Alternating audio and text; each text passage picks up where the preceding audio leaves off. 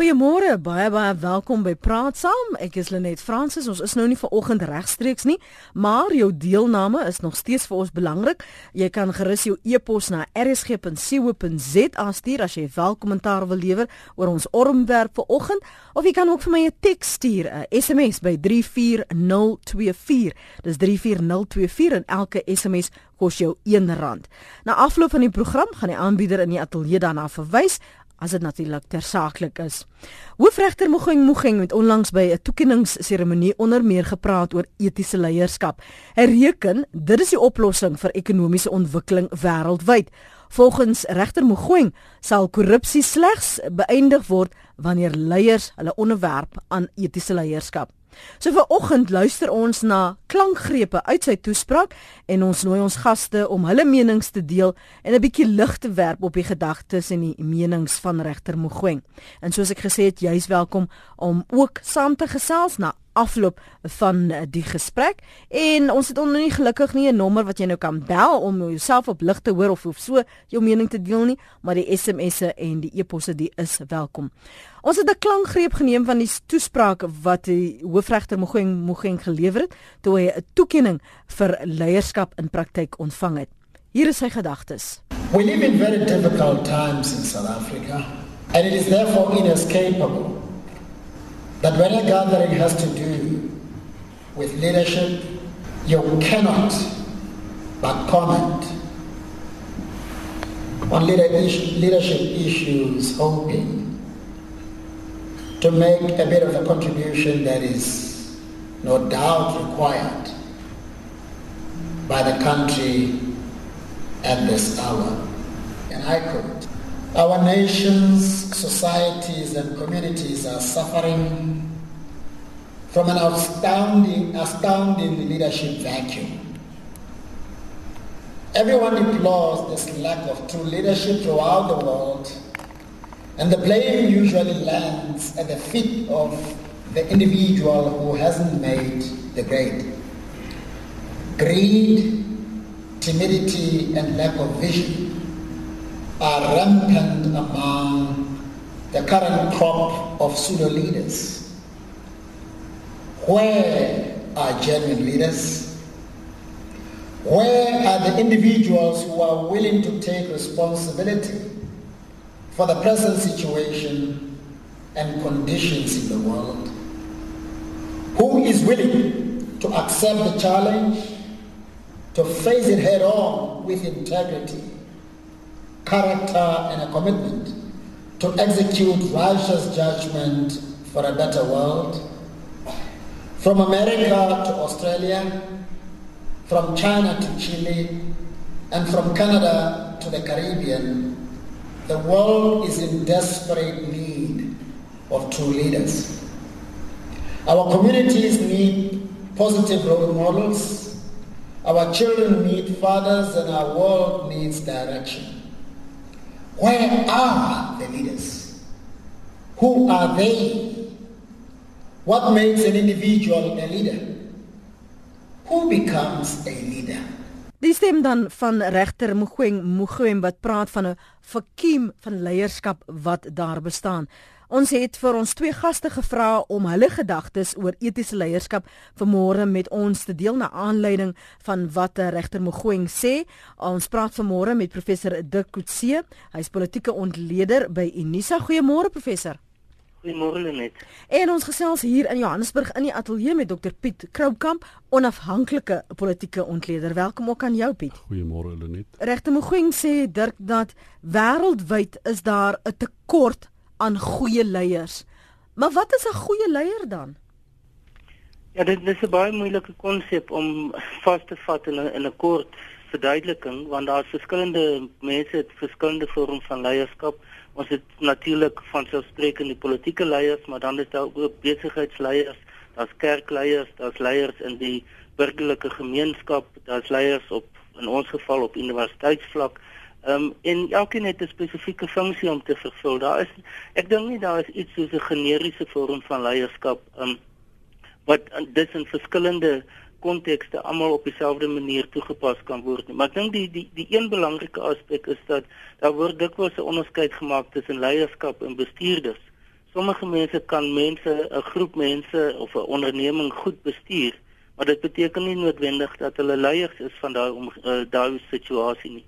Ek dink die die verskil tussen die twee is is dat leierskap het dikwels te maak met om 'n visie te vorm, om 'n strategiese denke te kan ehm um, formuleer en mense met hulle saamneem. So dit beteken om mense se se, se betrokkenheid, hulle samewerking, hulle entoesiasme uh, saam saam met hulle te kan um, neem um, om 'n spesifieke doelwit te kan bereik. Die leierskap het baie dikwels te maak met 'n visie, met 'n met 'n doel wat wat bereik moet word. Um, en ek dink dan wat bykom is die idee van dat die leierskap, die die persone wat in leierskapsposisies is, moet geloofwaardig wees. Hulle moet legitiem wees. Mense moet in hulle kan glo en die voorbeeld wat hulle stel moet wees dat hulle werk ter wille van die groter saak um, en dat dit nie in die eerste instansie oor die bevolking van hulle eie belange of die mense rondom hulle, hulle familie, nepotisme of ander persone naby aan hulle is dat dit is eintlik 'n middel tot a, tot 'n ander doel is nie. Um ek dink dis 'n belangrike punt is is dat leiers is nie moet mense wees wat van wie ander kan kyk en sê wel ons het 'n redelike goeie idee van dit wat hulle in gedagte het, die visie of die idee wat hulle nastreef en dat daar nie dus agendas moet wees waaroor mense wonder van wat werklik is hmm. in die hmm. buiteland nie. Hy praat en verwys na 'n vakuum van leierskap. Is dit wat in Suid-Afrika op die oomblik gebeur? Ek ek dink dis nie net in Suid-Afrika nie. Daar's wêreldwyd, ek dink daar was waarskynlik 'n tyd in die geskiedenis, maar ek is onbewus daarvan. As wêreldwyd is daar 'n mate van onsekerheid oor die werklike waarde van leierskap en ook onsekerheid oor hulle funksies en as jy kyk na Amerika, as jy kyk na Brittanje, kyk na Brexit byvoorbeeld wat nou gebeur in die Amerikaanse verkiesing, selfs in Europa, dan is daar 'n tipe van 'n wantroue wat besig om in te tree heens die stelsel maar ook heens leierskap. En hierdie onsekerheid, uh, ek sal altyd graag wil kyk wat is die bron van hierdie onsekerheid? Ons verwys baie keer daarna in ekonomiese terme as sê net maar die 4de industrie industriële revolusie. Mm. Dit skep geweldige onsekerheid. Uh en uh, en daai onsekerheid spoel oor na ons verhouding met politieke leiers toe. En ek ek dink dit is dit, dit is waar ons praktiese probleem nou is. Ons ons, ons gaan deur geweldige eh, tye van geweldige onsekerheid en leierskap kan net gedefinieer word in terme van daai onsekerheid. Dis asof alle samelewings in 'n geweldige vinnige pas van transformasie is, geweldige vinnige verandering en keer verander die samelewing as 'n ware stadiger as die eise wat gestel word in die samelewing ter wille van oorlewing van daai samelewing. Hmm. En ek dink in daardie konteks gaan ons in die volgende 10, 15 jaar baie baie anders kyk na leierskap as in die verlede. In die verlede kon ons gesê daar's 'n bepaalde stelsel en indien die leierskap die stelsel eerbiedig en die stelsel eer mm. en die burgerlike samelewing koop in op die feit dat die stelsel die groter belang verteenwoordig, dan het ons 'n redelike noem dit nou maar 'n uh, equilibrium tussen mm. leierskap, die stelsel en die en die burgerlike samelewing. Nou sit dit met 'n nuwe probleem. Daar word tergende vrae gevra oor die waarde van demokrasie, oor die waarde van demokratiese stelsels en grondwette. Die die ou liberaal demokratiese grondwette word mm. skielik uitgedaag in terme van hulle historiese waarde en hulle toekomswaarde. En in daai konteks is, is is gaan leierskap deur 'n baie baie onseker tyd. Ek ek dink nie in die geskiedenis wat wat ek nou in die politiek belangstel die laaste 30 jaar was politieke leiers so dikwels blootgestel aan die argbaan van die burgerlike samelewing uh wanneer dit kom weens die wantroue wat bestaan uh, vis-à-vis die stelsel wat ja. veronderstel is om orde te handhaaf, ekonomiese groei te bewerkstellig uh, en algemene bestendigheid in samelewing te handhaaf. Hmm. Maar, maar hy het 'n mate van optimisme gehad wanneer hy sê en wat ons nog gesien het en hy het ook ver, verwys na die verlede dat as daar chaos was hy gepraat van morele chaos, sosio-ekonomiese chaos, dan is daar maar altyd 'n leier, 'n iemand wat leiding neem of step up en daar kom staan en sê kom ons kyk anders daarna. En en dit voel vir my asof hy glo in hierdie chaos gaan ons weer iemand kry wat etiese leierskap um, gaan toon. Ja, maar jy jy sal sien ek dink hierdie week het uh, regter Albie Sachs ook gesê, jy weet ons ons ons moet nie wag vir een of ander uh, Messias, Messias om om om Suid-Afrika reg te maak nie. Uiteindelik as daar leierskap gaan kom, gaan dit gebore word uit die vorm van konsensus wat vir ons se behoeftes in die samelewing. Ons moet op 'n manier sal ons leierskap in die samelewing moet vestig. Ons moet verantwoordelik met omgaan met mekaar in in in in gevalle waar die stelsel ons val, sal ons verantwoordelik moet omgaan met mekaar en uh, ek ek dit dit is dis baie moeilike tye vir Suid-Afrika, maar dis nie net by ons nie, dis wêreldwyd is daar geweldige onsekerheid. En om te wag vir Messias, as ons dink een persoon, Cyril Ramaphosa, Dlamini Zuma of wie ook al gaan die nuwe president word en Suid-Afrika oornag omdraai of minstens oor 'n korter termyn omdraai mm. en ons gaan groter kohesie en meer konsensus hê en groter bestendigheid ekonomiese groei, dan is dit baie baie naïef oor die werklike waarde van leierskap. Maar wat het jy dan om op staat te maak as hierdie stelsel jou faal? Wat wat of wie vertrou jy dan as die Moses wat jy op gewet het nie na vore kom nie. Waarna gryp jy dan, eh, professor Kotse? Ek my benadering sal wees is, is om weg te beweeg en ek dink dit is wat wat Piet ook sê is om weg te beweeg, van 'n soort van 'n gesentraliseerde idee van leierskap dat ons die een groot vaderfiguur moet hê wat in 'n sekere sin die, die hele al die probleme sal uitsorteer. Um, en ek ek dink wat ons sien wat besig is om te gebeur is dat daar diversifisering van leiers besig is om plaas te vind in baie plekke in die wêreld. Um en dat die feit dat elkeen van van daardie sentrums van mag um of sentrums van aktiwiteite in 'n sekere sin hulle eie leierskap kan begin ontwikkel. Um dink ek gaan in in in die toekoms meer of beter vrugte uh produseer hmm. as as om die idee te hê dat ons moet hierdie een groot gesentraliseerde magiese figuur amper hê um, wat alle probleme gaan uitsorteer. Um die die lewe begin meer en meer um gespesialiseer word. Um en mense het meer mense nodig wat baie binne hulle eie spesifieke konteks uh, daardie leiding kan neem. Ons begin sien byvoorbeeld in die besigheidswêreld waar daar meer en meer uh, leiersfigure na vore kom. Nou is nie altyd noodwendig universeel aanvaarbaar nie, maar of mense dit wil erken of nie, hulle is besig om baie groot invloed uit te oefen op die globale ekonomie en ekonomie in verskillende lande ook. Dieselfde is ons het in die verlede gesien hoe kerkleiers en met die huidige paus byvoorbeeld is besig om om om te ontwikkel in 'n in 'n baie belangrike leiersfiguur um, in die wêreld in die algemeen. Ehm um, en dieselfde is is veronderstel um, om te gebeur in op op ander terreine ook. So ek dink wat ons in Suid-Afrika is ons besig om dit ook te sien. Ehm um, dit is nie ek wil nie dit ontken dat die die invloed van 'n van die sentrale punt in hierdie geval nou die president president Zuma dat dit uiteindelik deursyfer na onder toe en dat dit dikwels 'n negatiewe invloed het of dat dit 'n sekere tipe van 'n voorbeeld stel uh, wat mense dan beskou as dit is die die die tipe van leier leid, uh, leierskap wat nodig is of of wat aanvaarbaar is binne 'n spesifieke konteks nie. Ek dink dit dit is die die die komplikasie wat daar bestaan. Maar die die feit wat ek dink wat vorentoe vir ons meer gaan help is as mense gaan kan bes, gaan begin sê maar ons hoef nie te wag vir leiding van 'n sentrale punt nie. Hmm. Ons moet self begin om daardie leiding te gee. So dit beteken mense moet meer na hulle self begin kyk in terme van die idee van daar's ook leierskap geleë op hulle eie vlak. Ehm um, want ek dink die een groot faktor wat mense moet probeer vermy in lande insluitend in Suid-Afrika is die idee van van 'n afhanklikheidsverhouding wat teenoor die leierskap ontwikkel. Dat mense begin afhanklik word en wag vir leiding van 'n sekere punt af en dat hulle nie meer eintlik aktief op 'n positiewe manier proaktief mm. kan inisiatief neem van hulle eie kant af. En ek dink dit is dis die belangrike paradigma skuif wat ek dink veral in Suid-Afrika moet plaasvind.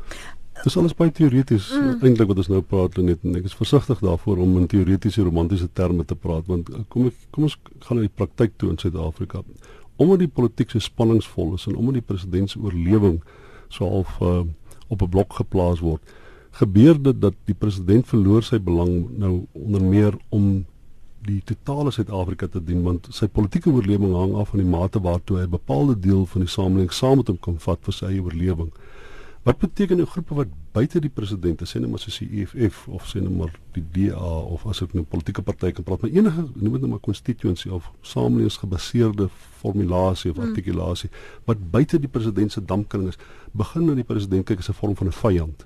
Met ander woorde word 'n opponent. Nou 'n president in 'n land moet een verskynsel wees wat dit moontlik is vir almal om na die tyd te sê hy die verkiesing gewen hy regeer nou in belang van ons almal. Ons stem nie noodwendig vir sy politieke party nie, maar hy regeer nou ten, in, in, in ons almal se belang. As hy daai simboliese waarde het en hy eer die stelsel want die stelsel aanvaar as 'n vorm van sosiale kontrak tussen al die mense wat almal se belang dien en almal koop in ongeag of jy 'n wit of swart of pink of pers is of ideas of anders die grondwet word geëer deur almal en ek ek dink nogal in Suid-Afrika het ons dit op 'n manier bereik. Almal het 'n redelike mate van afwagting dat die grondwet sal as dit behoorlik geïmplementeer word sal dit tot ons redding kom. Hmm. nou die president en die grondwet moet baie baie naby mekaar funksioneer in die sin van die indruk is daar dat die president sal altyd die stelsel vooropstel as die belangrikste want die stelsel verteenwoordig die groter belang. Maar ons sit nou met die met die situasie dat dit meer kompleks is dat die president word as 'n vyand beskou deur mense wat nie vir sy party gestem het nie.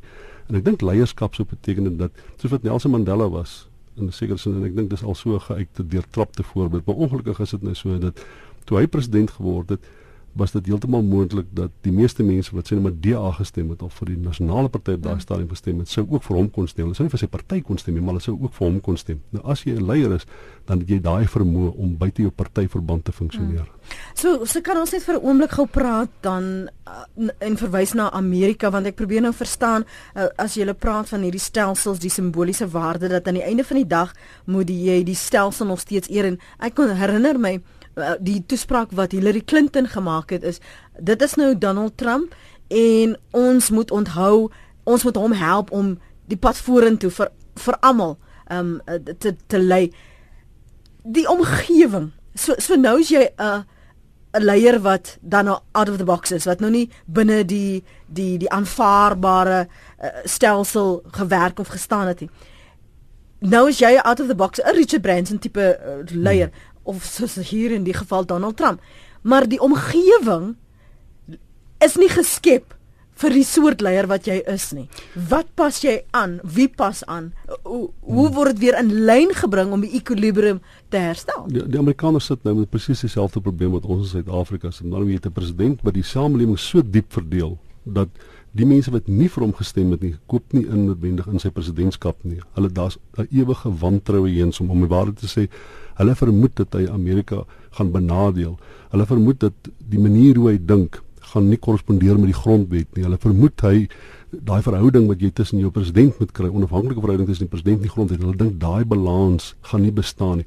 So vir die eerste keer in baie in in, in baie verkiesings kry ek die indruk die Amerikaners dink of baie Amerikaners, of minstens die helfte van die Amerikaners dink dat ons 'n grondwetlike probleem. Ons het dit daar daar's 'n probleem met die politieke spelreëls, met die sosiale kontrak is daar nou skielik 'n probleem. Wat in verlede was dit nie so nie, want die Amerikaners het hulle stelsel ook so ontwikkel dat die president dit nie buitengewone mag nie. Hy daar's 'n checks and balances stelsel. Hy moet konformeer tot die wil van van die van die twee huise van die kongres goed en en die regstelsel. So daai balans het al bestaan. So daar was groot vertroue heens die stelsel, maar daar is 'n bietjie van 'n vraagteken wat inkruip sedertdien wat sê in watter mate eer die president die grondwet, die spelreëls van die land en dit verdeel Amerika in so 'n mate dat ek kan met eerlikheid sê ek dink die helfte van die Amerikaners sal waarskynlik nooit die presidentskap van Donald Trump ondersteun nie terwyl baie van hulle mettertyd wel ingekoop het op die gedagte sien van Barack Obama of selfs George Bush omdat hulle gedink het die stelsel is belangriker as die president. Mm. Ek wil graag jou gedagtes hier hoor professor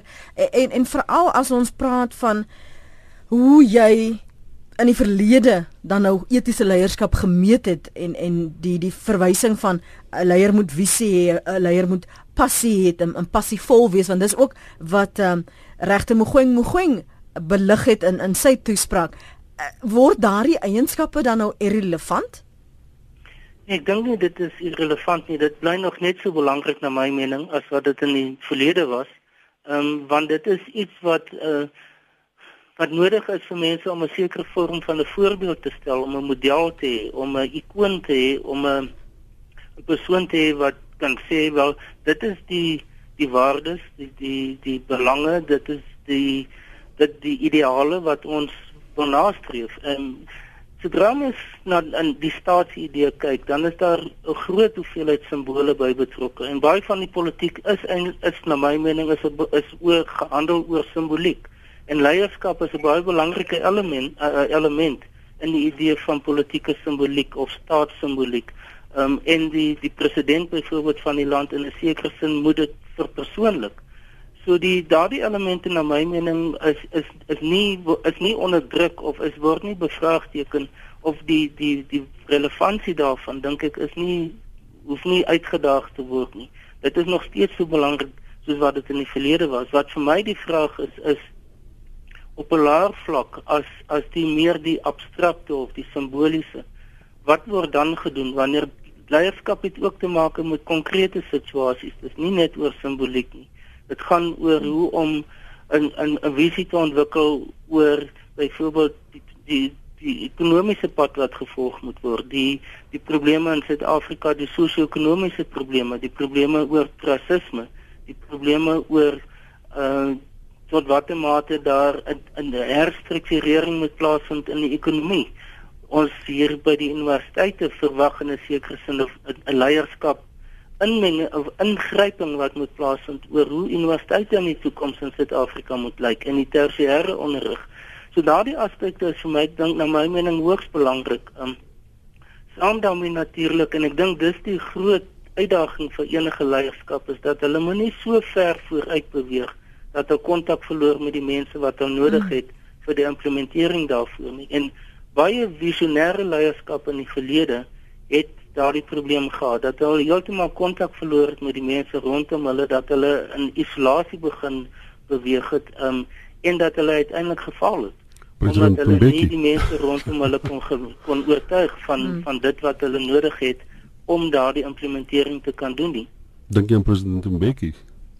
Ja, dit is ek het hmm. ook aan hom nou gedink. Dit is 'n hmm. persoon wat duidelik op 'n sekere punt 'n soort van 'n intellektuele status begin ontwikkel het en baie mense het gevoel hulle kan nie op dieselfde vlak as hy om funksioneer nie. Ehm um, en as gevolg daarvan wat ons later gesien het is dat hy eintlik in 'n groot mate in in isolasie geleef het. Maar dit weet die die die, die samelewings word al hoe meer gekompliseer en ekonomiese stelsels word al hoe meer gekompliseer in die verhoudings uh, oor grense en en tussen uh, individue en groepe en samelewings word al hoe meer gekompliseer. Soveel sodat ek dink dat in die verlede was leierskap as 'n sê net maar 'n finale identiteit van 'n president was was was waarskynlik genoegsaam om te dra deur 'n termyn of selfs 'n tweede termyn. Maar praktiese bestuursvermoë raak al hoe meer en meer belangrik. Die president moet die ekonomie baie goed verstaan of hy moet mense om hom hê wat die ekonomie baie goed verstaan. Hy moet die politieke stelsel goed verstaan. Hy moet die kompleksiteit van die samelewing en die opinies binne in die samelingsvaarde moet hy baie goed verstaan.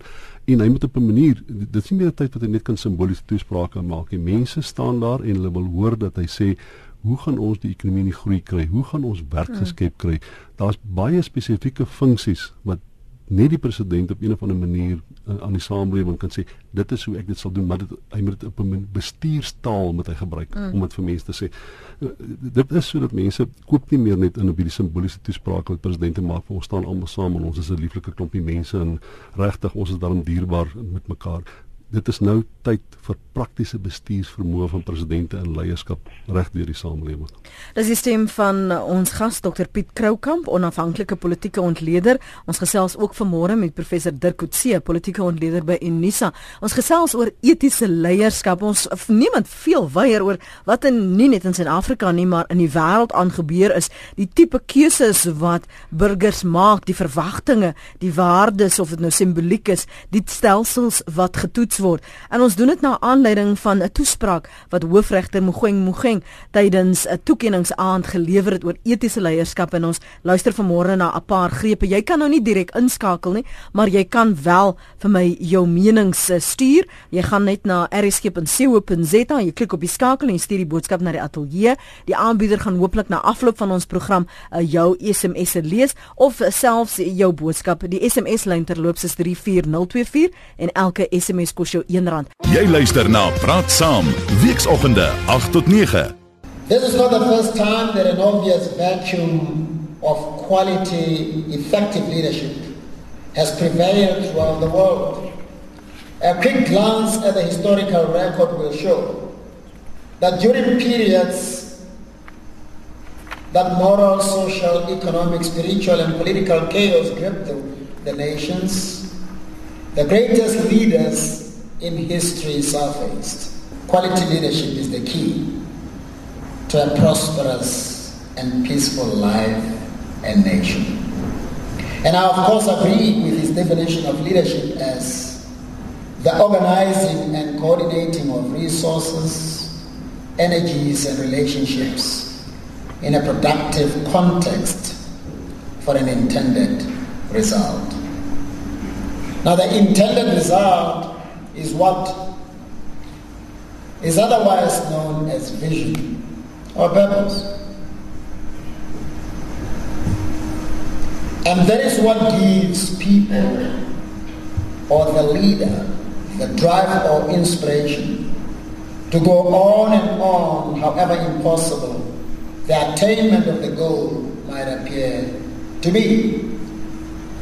The true mark of leadership thus to have and pursue something of great importance that will redound to the common good of all, so well settled in your heart that it not only fuels your unwavering desire to soldier on until it is, the, it is achieved, but also what you live for and what you are prepared to die for. It is in this regard that Nelson Mandela had the following to say from the dock, and I quote, I have fought against white domination and I have fought against black domination. I have cherished the ideal of a democratic and free society in which all persons live together in harmony and equal opportunities. It is an ideal which I hope to live for and to achieve. If needs be, it is an ideal for which I'm prepared to die. This is not a statement to be lightly made. It is not a statement to be found in the mouth of the so-called peacetime hero. It is a statement to be made only when it is truly committed to. Hy praat oor 'n leier wat moet kan luister na sy mense en hulle behoeftes eers te stel en natuurlik in belang van die land op te tree. Uh, Julle het net nou gepraat van uh, presidente leiers wat uit kontak is, uit voeling is met wat mense verlang en dat jy jy moet omring met diegene wat kan implementeer. As daar nou besluite is en jy het ook in ons eerste deel van ons gesprek Piet verwys na hoofregter en 'n hoofregter ekskuus konstitusionele grondwetregter Albie Sachs wat gesê het en ek hou aan don't wait for a beautiful leader South Africa. Rather rely on the constitution.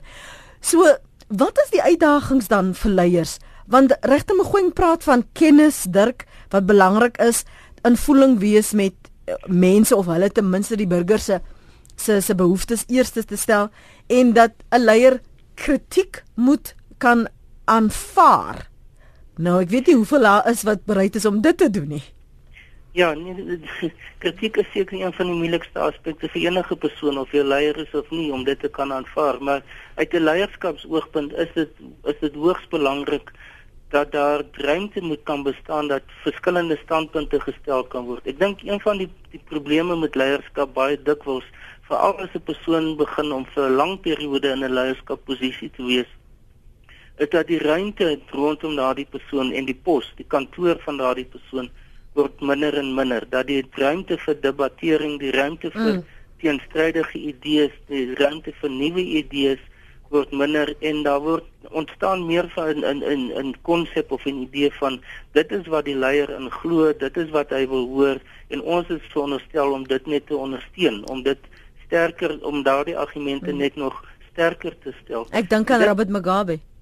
Wel dit dit is een persoon, maar ek dink daar's baie daar's baie voorbeelde in die wêreld mm -hmm. waar ehm um, dit net begin onmoontlik word om 'n kritiese debat of 'n kritiese uh, manier van van om 'n probleem te hanteer om om dit moontlik te maak want dit word dikwels gesien in inherent as 'n vorm van kritiek dit word gesien as as as die huidige situasie byvoorbeeld 'n beleid of 'n wetgewing of 'n benadering wat gebruik word deur 'n regering as mense met ander idees kom word dit implisiet gesien as 'n vorm van kritiek teen die bestaande situasie. En daardie sensitiwiteit vir kritiek is dikwels die beginpunt van 'n van 'n ver, verkleining van die ruimte en die opsies wat binne daardie leierskaps um, kader bestaan. En 'n ver, verarming uiteindelik van van die debattering en dis hoekom ek dink die logika van veranderende regerings binne binne 'n demokratiese bedeling so belangrik is is is dat on, dit is omtrent onverwendbaar dat oor tyd daar hierdie vernouing besig is om plaas te vind in selfs die mees demokratiese omstandighede. Mm. Wel in um, onbestendige demokrasie ja. Nee dit want want byvoorbeeld Duitsland, Angela Merkel is uh, ek bedoel sy is besig om wat is dit 'n uh, koelse se rekord uh, uit te daag van lank president wees maar dis 'n bestendige homogene demokrasie 'n baie lang geskiedenis van demokratiese samelewing en ek bestendige ekonomiese groei. So dis maklik eintlik om in 'n in in 'n land soos Duitsland wat jy mededingende opinies het eerder as blaatante kritiek. En dis ook makliker wanneer die president of in hulle geval die kanselier gesien word as verteenwoordigend van die groter belang in Duitsland in Suid-Afrika en in baie onbestendige lande soos in Indië kry dit die uh, versekers dit nou besig om Amerika te kom. Die president word nie meer gesien as as as as almal se president nie. Hy sal waarskynlik 'n bron van kritiek, 'n opponent en 'n vyand bly van outgroups solank as wat hy president is. En wanneer groepe op daai manier begin reageer, dan is dit kritiek eerder as mededingende opinies en dit was probeer hulle hulle begin die president as dit ware ondermyn of sy presidentskap ondermyn in 'n poging om die gebrek aan legitimering wat hy het bloot te stel in die openbare oog. Met ander woorde die president word die teiken van van outgroups. Hy is nie meer iemand met wie hulle tipe van 'n mededingende uh, politieke verhouding het nie. Hy word 'n vyand. Nou in Suid-Afrika het die die president vir baie groepe 'n vyand geword. In Amerika word die president vir 'n groot deel van die samelewing 'n vyand. En jy kry dit selfs 'n bietjie in Britse politiek. Duitsland is die teendeel is egter waar. Dis 'n homogene samelewing, daar's eh, 'n uh, geskiedenis van bestendigheid en daarom maak dit nie saak dat die president of die kan die kanselier langer is in daardie pos as wat uh, as wat so, ons normaalweg in demokrasie sien nie. So so hoe verduidelik ons wat ons sien waar daar pogings vir 'n coup d'état byvoorbeeld is? Is dit dikwels ook 'n geval waar ons voel julle luister jy luister in elk geval nie na ons nie. Ons het geen ander keuse nie. Veral hier in binne Afrika uh, Dirk hoe hoe lees ons dit dan? Ja ek sal dit so interpreteer. Ek sal sien dat 'n militêre staatsgreep of 'n vorm van 'n rebellie binne 'n land um, is definitief simptomaties van van die feit dat die wat ons dit noem die sosiale kontrak is besig om nie meer te werk nie. Dat die inklusiwiteit van die politieke stelsel word bevraagteken. Dat dit word gesien dat die die, die politieke stelsel en die ekonomiese stelsel werk vir sekere groep, sekere groeperings word baie albei terwyl ander groeperings uitgesluit word. Ehm um, en ons het dit byvoorbeeld nou was onlangs was die verkiesing in Gambia gewees.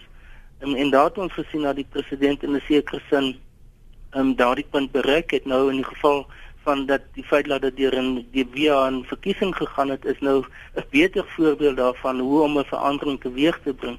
Maar in, in wese is dit die geval dat uh, as daar staatsgrepe is of as daar rebellies is of as daar bewegings is wegbreek bewegings in lande dan is dit gewoonlik 'n simptoom van 'n van 'n baie dieper strukturele sistemiese probleem.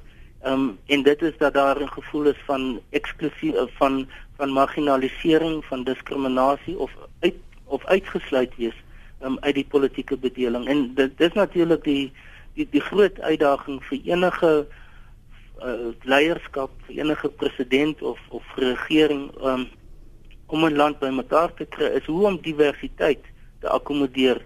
En dit is waarskynlik een van die heel moeilikste aspekte van leierskap is soms om met mense saam te werk wat duidelik deur jou jou volgelinge gesien word as opponente in sommige gevalle sommige gevalle selfs as as as vyande. Hmm. Maar terwyl van die leierskapsidee, die samehorigheidsidee, is jy verplig om om met om hulle in te trek en saam met hulle te werk en baie dikwels ehm um, veral as daar begin druk ontwikkel in die in in in 'n staat of in 'n omgewing as daar ekonomiese probleme is of as daar byvoorbeeld 'n invloed van immigrante is en dis waar ek effe verskil van van Piet Ek dink die Duitse voorbeeld is nie meer so dat daar die absolute ondersteuning vir vir Merkel daar is nie. Um, sy het begin om nou verkiesings te verloor.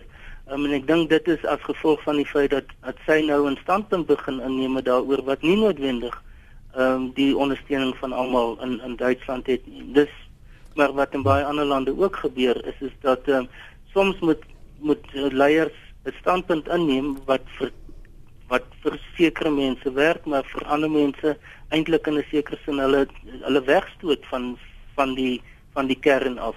Um, en dit is ek dink oor die algemeen is een van die grootste uitdagings vir leierskap hoe hoe om situasies soos dit te probeer vir my. Julle sou albei weet so dikwels hoor ons nie net Suid-Afrikaners nie sê dat daar word nie na ons geluister nie en julle albei verwys na die belangrikheid om in voeling te wees met wat jou burgers soek en wil hê. Maar waar in die wêreld gebeur dit dat daar werklik geluister word? Benewens nou Brexit wat ons gesien het of in 'n verkiesing waar jy die mening van die mense kan toets. Wel ek ek dink in, in in lande waar daar dikwels verkiesings is en soos wat Dirk ook gesê het leierskap dikwels wissel, kan 'n mens aanvaar dat uh, die prys van nie luister na die burgery is geweldig hoog. Maar ek ek dink een van die goed is ek net vinnig weer na Suid-Afrika hmm. kan verwys en ek dink dit is een van die probleme wat wat ons het en dit is sê net maar die staat, die birokrasie funksioneer onafhanklik. Dan vertrou die mense dat die uitvoering van dienslewering, die uitvoering van demokrasie sal die groter belang dien.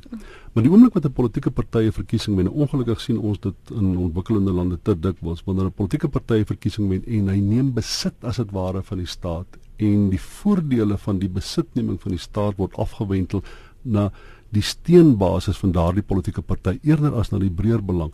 Dit is wanneer jy 'n wantrou hier in die stelsel kry wat jy coup d'etat kry, dit is wanneer die mense wat buite is wat hulle self as outsiders beskou begin om die stelsel af te takel en te ondermyn omdat hulle dink maar hulle word nie soos wat ek dink aanvanklik het jou vraag verwys en watter mate word die staat as responsief mm. beskou dan sê hulle maar die staat luister nie meer na ons nie dat ons het nie toegang tot die staat nie. Ons het nie invloed op die staat nie. Ons het nie invloed op die politieke stelsel nie.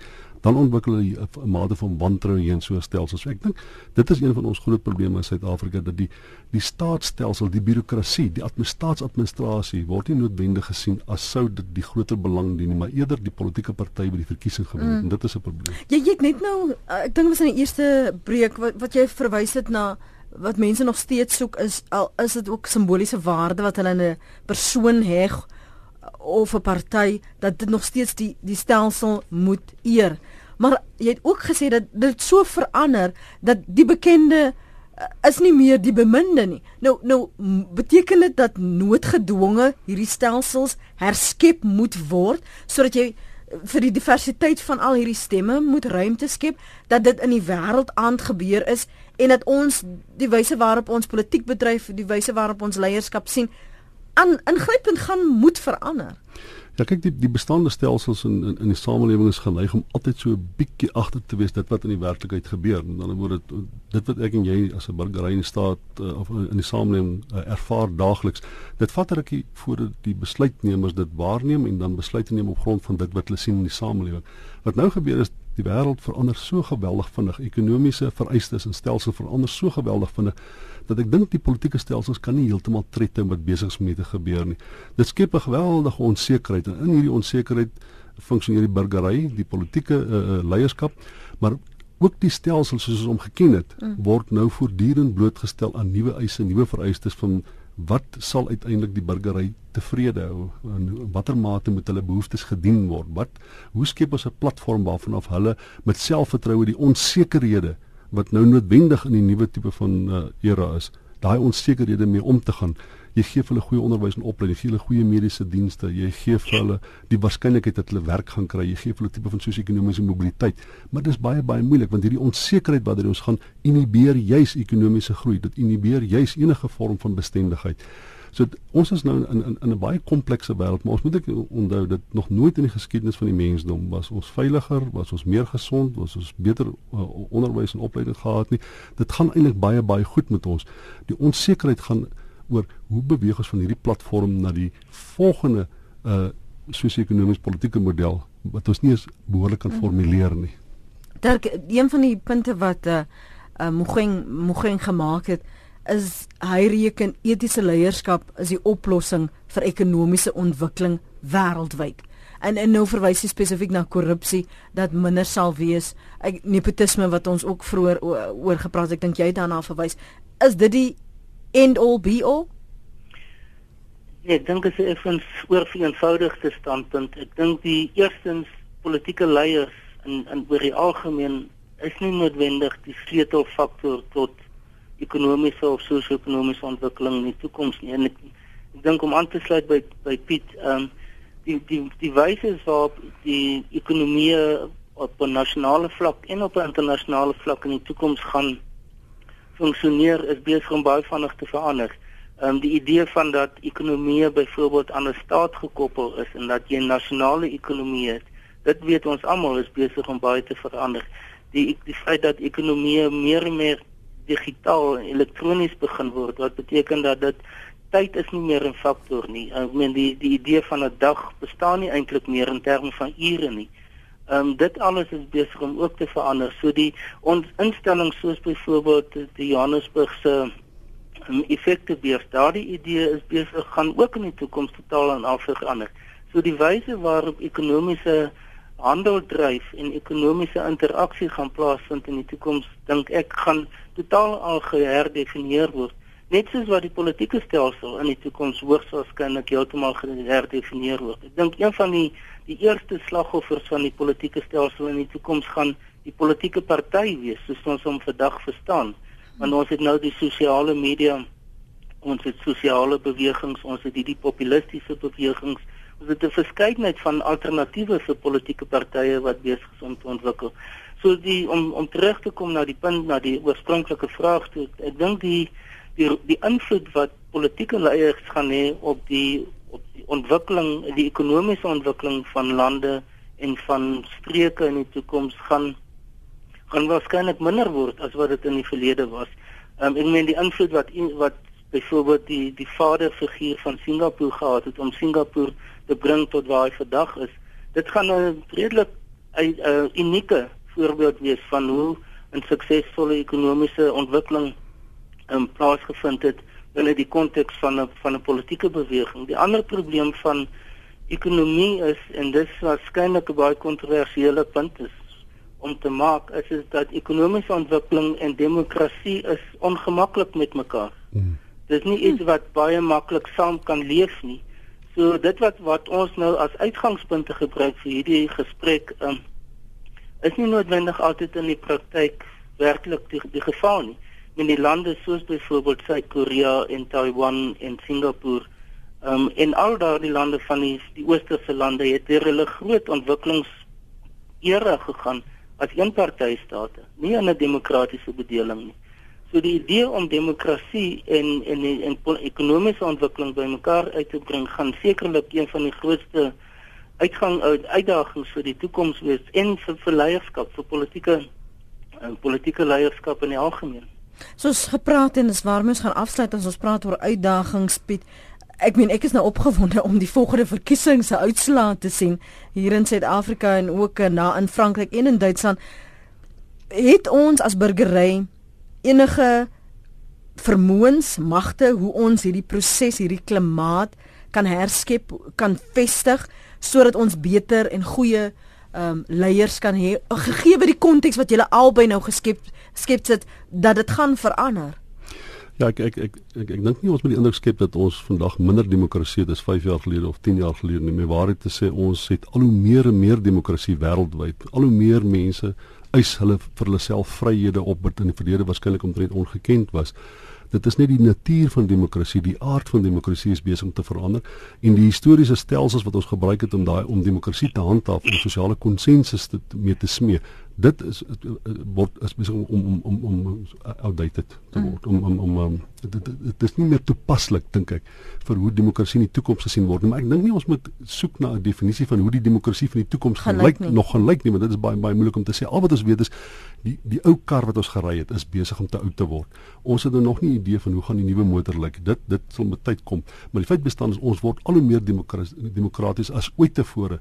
Ekonomiese stelsels word al hoe meer oop en vry vry meer as ooit tevore en die onsekerheid wat wat wat uh, wat ons almal ervaar en dit is wat uh, wat Dirk ook nou verwys die die die die die die, die onsekerheid oor die verhouding tussen demokrasie en ekonomiese mm. stelsels mm. het alles te doen daarmee dat dinge teen 'n geweldige pas vinniger as ooit tevore verander en op die rug van van tegnologie verander teen 'n geweldige pas.